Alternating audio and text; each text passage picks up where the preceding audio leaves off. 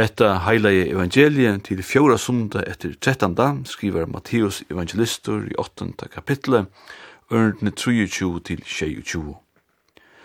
Og ta Jesus steg i baten, fyllte honom lærersveiner hansara, og så ta var harvevor og vattnen så batren fjaltist av alten men han la og svev.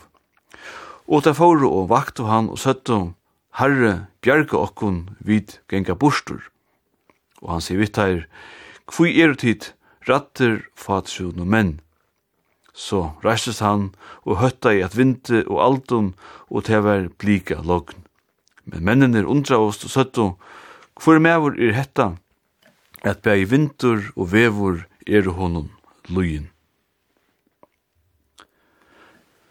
Ein greinskrivar vil det eina fyrir vera vi, er at varst og ringur i sjåarstje, så var det ikkje kløkt af er i kyrkjo fjóra sunde etter 13. Ta Johan Nilsen prestur prædikaje, tog her var ikkje færre så latt om aldur og ilvevor. Jo, hever en prædika vir gau, kan hon enn vera til tidsin. Ta gamlo kyrkjefedraner som fyrir ein 1500 år sujane, snikka og fyrro tekstar saman, Gåa okkun ui røynd og verum tvinnar tekster ur Nudja testamente at lesa kvønn sunnodea. Ein epistol til sia brev, og ein evangelietekst, til sia frasøgn om luivi tja Jesus. Og hesir tekstene er ikkje til vildalia greipa i skjeman, men skulle stola kvønn øron, så vi kunne sutja og meta om eina frasøkn fra flere sjånar hotnum. Så leis er atur ui morgen. Evangeliet hever nu hessar seinastu sunnu dianar etter trettandum, veri ta vi kalla epifanitøyen etla oppenberingartøyen og hesar tekster hava snusi om hver Jesus er og hva han kan og vil. Epistlaner etla brøvene hesar sunnu dianar er og tidsin ur brevnum tja Paulus til kyrkjeli i Rom. Paulus endegjever mittel anna årene tja Jesus her han sier at du skal elska nastan som sjølvan te. Kærleikin gjer ikkje nastan hon nekka illt, tui er kærleikin oppfylling av lovene, sier Paulus. Det snur seg altså om avleggingene av a kunna kalla seg a kristi folk. Og avleggingen er ikke og i flottum. Tøytningi at öttast fyrir at få sjóversk etla det som verri er, men at lyta av han som er gaur at hava vi i batenun av feriene i rom lufsins hev. Og tekstrin til i morgen snur seg om eina fer, eina sjóu fer. Frasakten om at Jesus blukkar ildvekri og vatnenon stendur eisne tja Marskusi og Lukasi.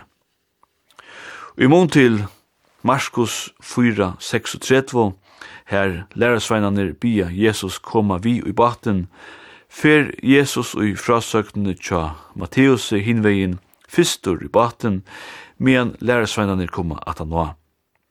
Lærersveinane fylltje altså Jesus i frasøknene tja Matteus. Det er og eisen er moner middelen evangeliene. Det er til dømes tydelig tja Matteus, og i imot til hinar evangelistanar, er at det er ikkje så nekv underverst sjoldt, til at det ber til tja Jesus er at blukka ildvekkere som ligger fremst i hoanon, tog sjolvande vær Jesus fyrir fyrir tog om han vilte. Det er eisen til symbolska og i frasøknene og vi kunne og i ettertøyene bruka som Mattius legger dent av. Hvor er tid rattir fatrunne menn, spyr Jesus. Er det nekkar og kjenner til heve, og at heve tekur og heve djevor, så er det føringar. Men neiut er ferast, navigare ne sesse est, er et gammalt åratek og anla tøyne. Neiut er a sikla. Og i det er eisne neiut at flikva. Det var kanskje som ein bispor enn jeg tok til, at helst er det feir ateister ombord og en flikvara, her da kanskje gonger minn vel. Og ta er det ganske hetta som er den gypra fortellingen i teksten til morgen. Toi eit er a skilja sjåkortet, eit anna er skipa føra, som det var sagt i kjemteleisen om politiske kannestøybaren tja Ludvig Holberg. Løyve er ikkje fyrir var det anker annar som sier. Og jo langur vi sikla ut av løvsens hev, kun vi komme ut fyrir at vi varnast, at det er okkurst som er større enn vid. At det onkurtøy er godt, evra trygg etter tryggur, ta bildjinar bråta og i bæg i Halga bók byrjar eisne vi, at det allar fyrsta som god skaparen leie under sinna makt, ver ta øyande miskalagta frumhave, og i mynden av kaos og løyvenon utanom god. Men det øvete av kaos er kosmos, og det var hetta som kom i rattlega ta god skapa i hjørna. Det er gammalt er at vi bere åndsje inn i ena kyrkjo som ikkje hever symbolskan tøytning, ein tøytning som leter opp fyrir ein verleika og jo større enn egene kunne suttja, men som best hjersta og tryggvin kunne fæta. Til dømes vera okkara truvar år, eisne nevnt eit symbol, Tei standa ikkje ui biblene, men eru iverskrifter iver lang kapittel og tryggvar søver i forstøy, nutøy og framtøy. Og det er ikkje av tilvilt at rume vi koma saman ui i kyrkjene, vi kallar Kipe. Kipe som er i middelen, forskyrkjene og kåre. Eisen i hongur all oftast ein båtur etla skip og i flestu av kyrkjen okkara. Til hovast vi kunne vera individua listar, er vi det öll i sama båte. Og ui hesum båtun etla skipun og i dem førsku kyrkjenun, som oftast voru olmos og gavur, var ongen bjergingar båtur.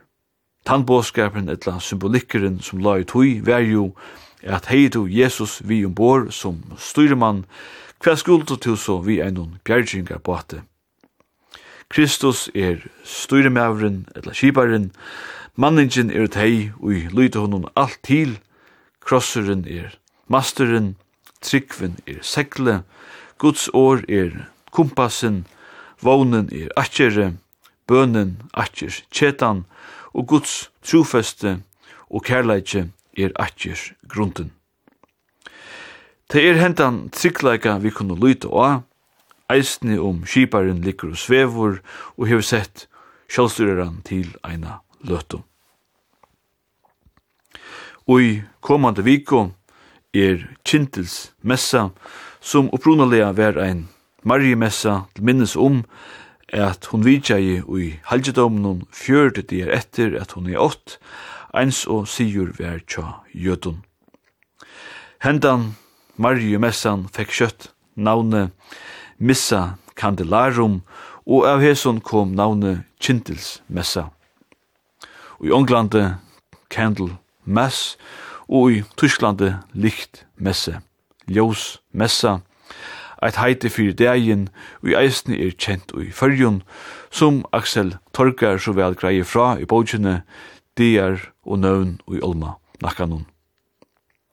Og kjintels messo skulde dævren vera langtur eina økt syenes stidsta dæ, til sida om lei trutjar tuimar, og nu tåsa vi om annan februar.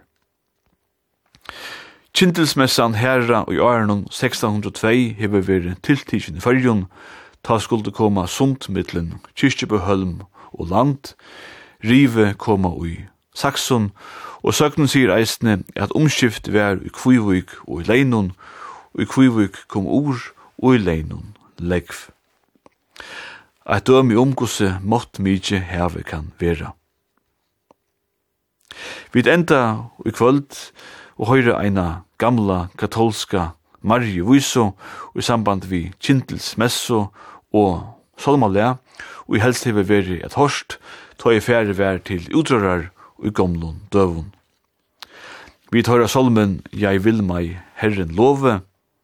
Etter siderskiftet var en håpur av solmabokun gjønner ut, men det var ikkje alltid så full fudgeier. Fyrir jeg får enda hesson, skulle jeg sija, åskile, vi er kommet åsamt om eina godkjenta solmabok, som kunne brukast, så å sija, atlastane i danska kongsrygjennom. Det blei solmaboken som hans Tomisønn leie til Rattis, og hon kom ut i 1593. Hans Tomisønn ummyrste vysina til angst, og Jakob Dahl gjørte enn førska tøying av henne i 1925.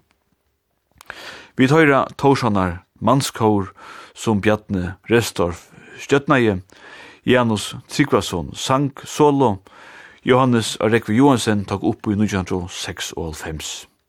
Gåan, sånn og det.